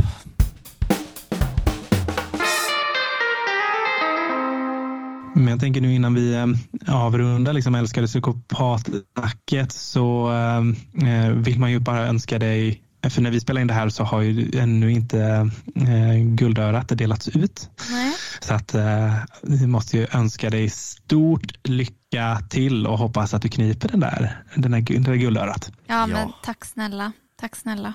Ja, vi håller det måste alla... varit en härlig känsla ja. att få nomineringen. Hur Verkligen. kände du då? Ja, men jag kände liksom, är jag här bland alla de här tunga, duktiga profilerna? Eh, jo men man, man, blir väldigt bekräftad. Alltså det är ändå en jättefin utmärkelse. Jag är jätteglad och tacksam för det. Och det är också en sån där grej som också får en att vilja fortsätta. Ja, ja men verkligen streck på mm, dig. Mm. Herregud, vilken prestation. Bara vara nominerad, det är ju mm. fantastiskt. Jag skulle säga så här, nu är ju du en av de där tunga. Ja. Så det är bara tunga tack, namnen. Tack snälla.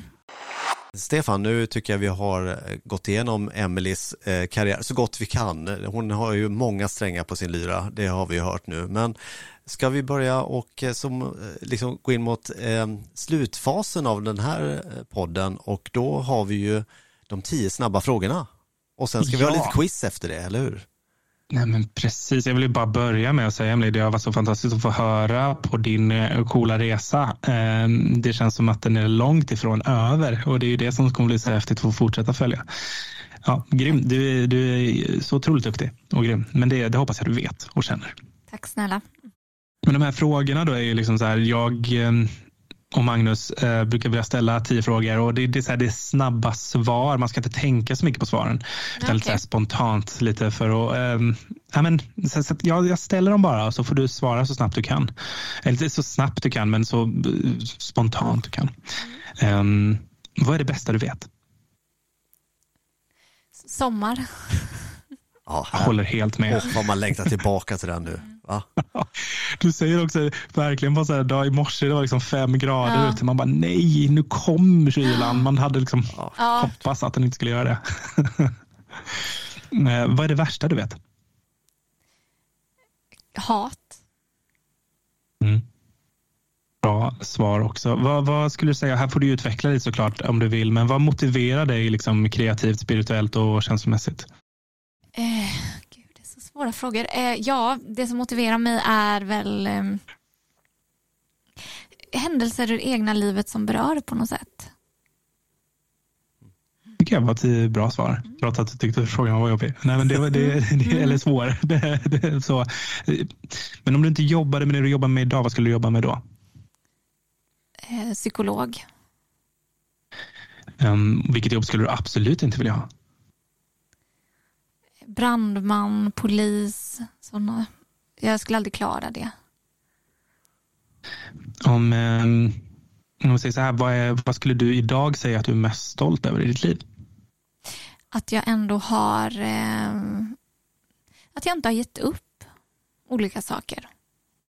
tycker jag också är ett fint och bra svar. Ehm, De tre sista tänker jag brukar ju du köra Magnus eftersom du är Oskarshamns ambassadör nummer ett här. Exakt, vi brukar göra så.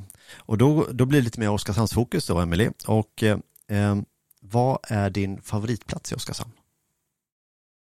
Jag gillar eh, skogen där kring Havslätt. Ja. Skogen där ute i slingan och det. Mm. Mm. Ja, det är fint. Eh, vad är ditt vackraste Os- Oskarshamnsminne?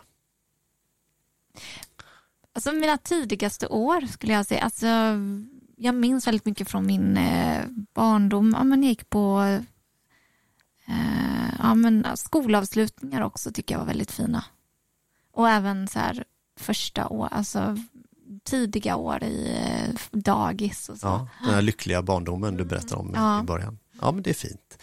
Eh, eh, till vardags så jobbar jag ju med att marknadsföra Oskarshamn och vi ska ju försöka göra den här stan lite, lite roligare och lite bättre.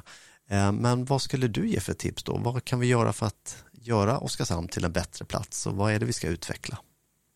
Men dels skulle jag väl säga kanske göra det lite trevligare nere vid hamnen. Eh, mer eh, serveringar, parker och så. Men också gärna mer butiker i stan. Nu är det väldigt mycket restauranger överallt. Men typ så här bokhandel, eh, mer variation i själva stan.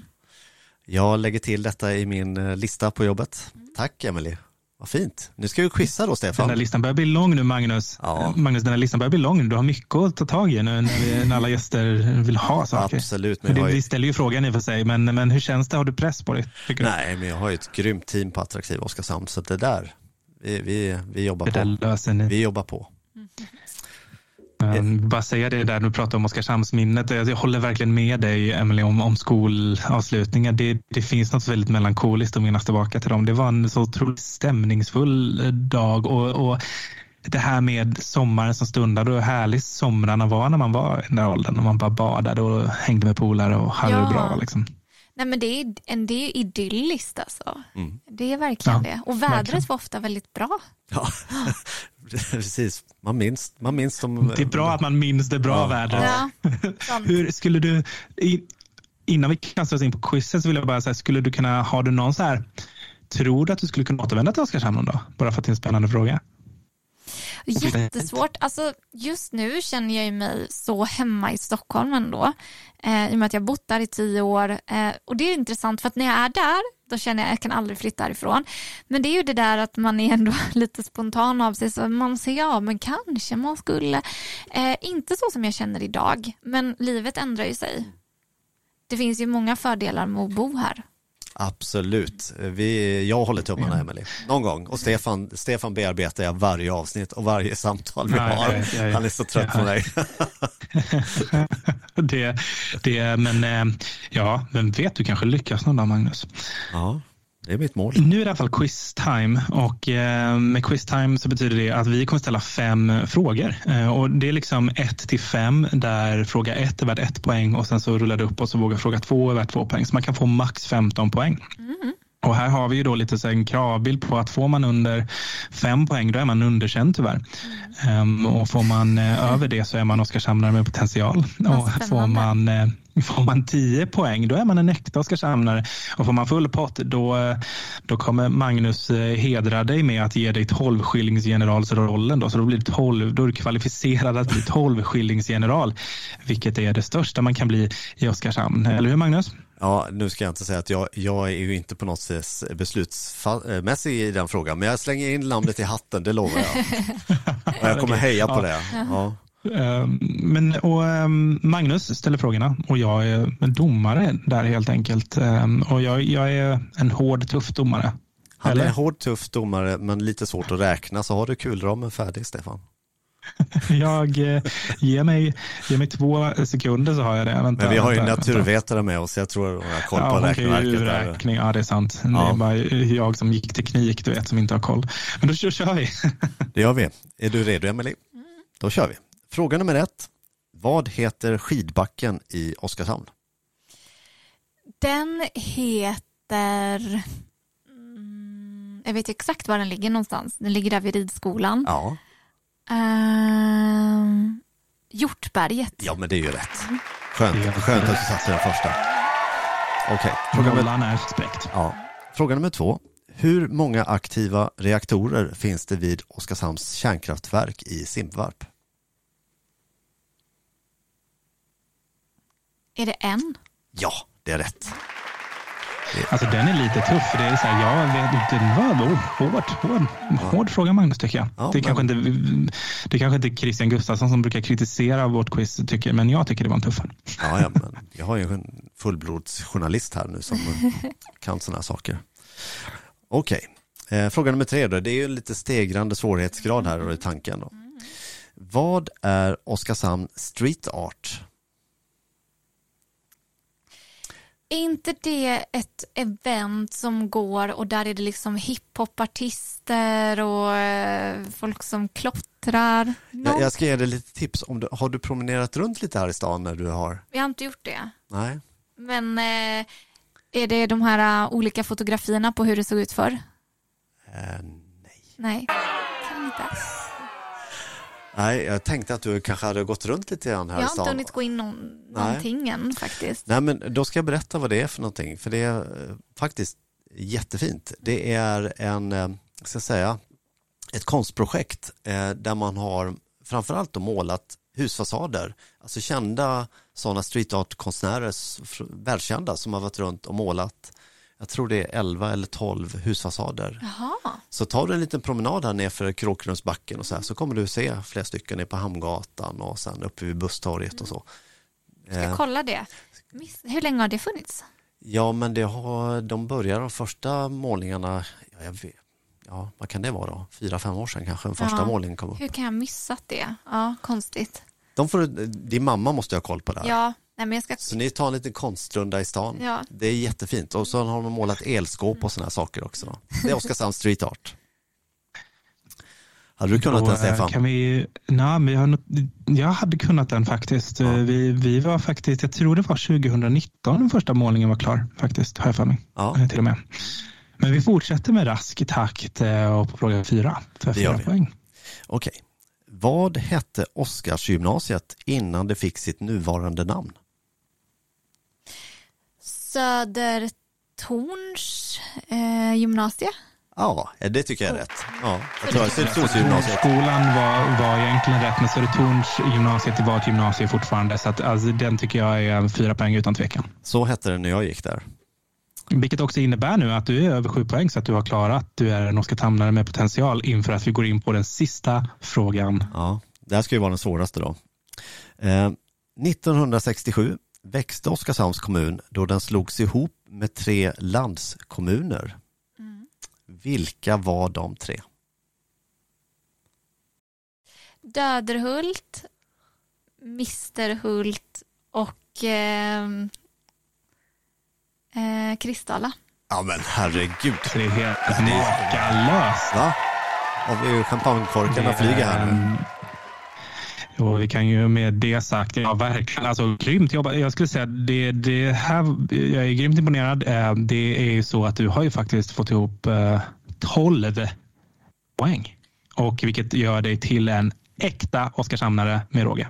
Ja, vad härligt. Det är bara att flytta hem Emelie. Det är bara att flytta hem, det finns inget val.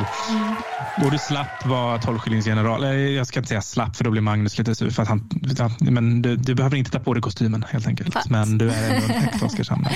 Ja, men kul. Nej, Nej, men, men eh, man, det är verkligen så här, man känner bara man kan ingenting om den här stan. Det kunde du Ja. bevisligen. Ja. Eh, jag tänker nu då innan vi bara släpper iväg dig Emelie. Eh, vi sa ju inledningsvis här, nu har du ju suttit och tjatat med oss en stund.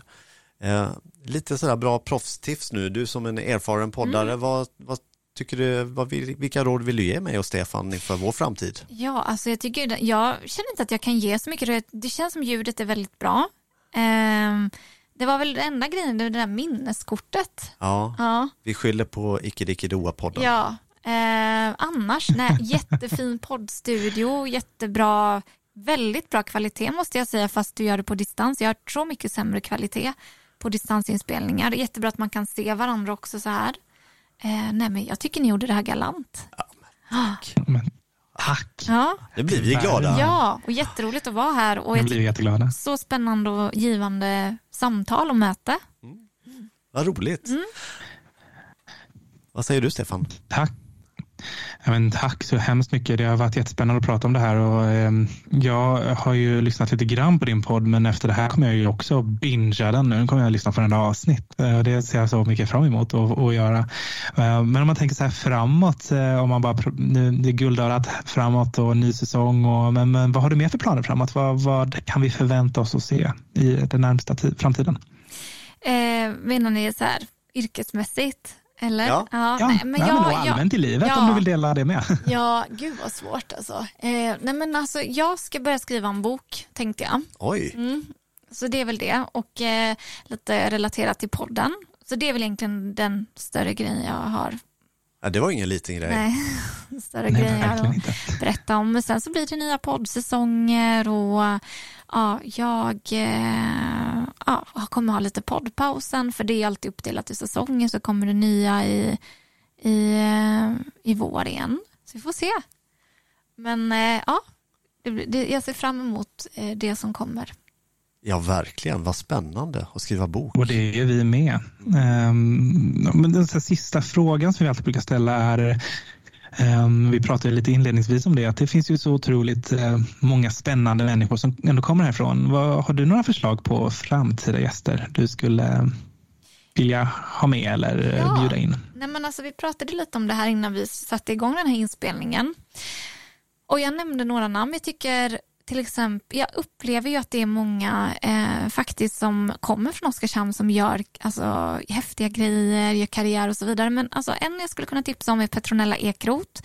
Eh, jag är totalt oinsatt i fotboll, men eh, det är en tjej som är precis jämnårig med mig. Vi har pluggat eh, spanska tillsammans och gått på samma dagis. Så jag tycker att, och jag har, följer henne på sociala medier. Jag tycker att hon eh, verkar vara en ja, men väldigt inspirerande och härlig person. Så henne skulle jag gärna vilja lyssna på. Det tycker vi också. Det tycker vi också och vi känner ju också till henne. Hon är ja, häftig, häftig och har gjort otroligt mycket bra tips måste jag säga. Grymt bra tips. Jättebra. Eh, Men då så Stefan, eh, eh, ja, först och främst innan eh, vi avrundar, återigen stort tack för att du eh, vill vara med i vår podd. Det har varit superroligt och intressant att lyssna till dig och jag kommer fortsättningsvis fortsätta följa dig, både podden och sociala medier. Jättekul. Ska vi säga tack och hej med på det? Ja, det gör vi. Tack och hej. Ja. Vi hörs. Tack och hej. Det gör vi. Hej!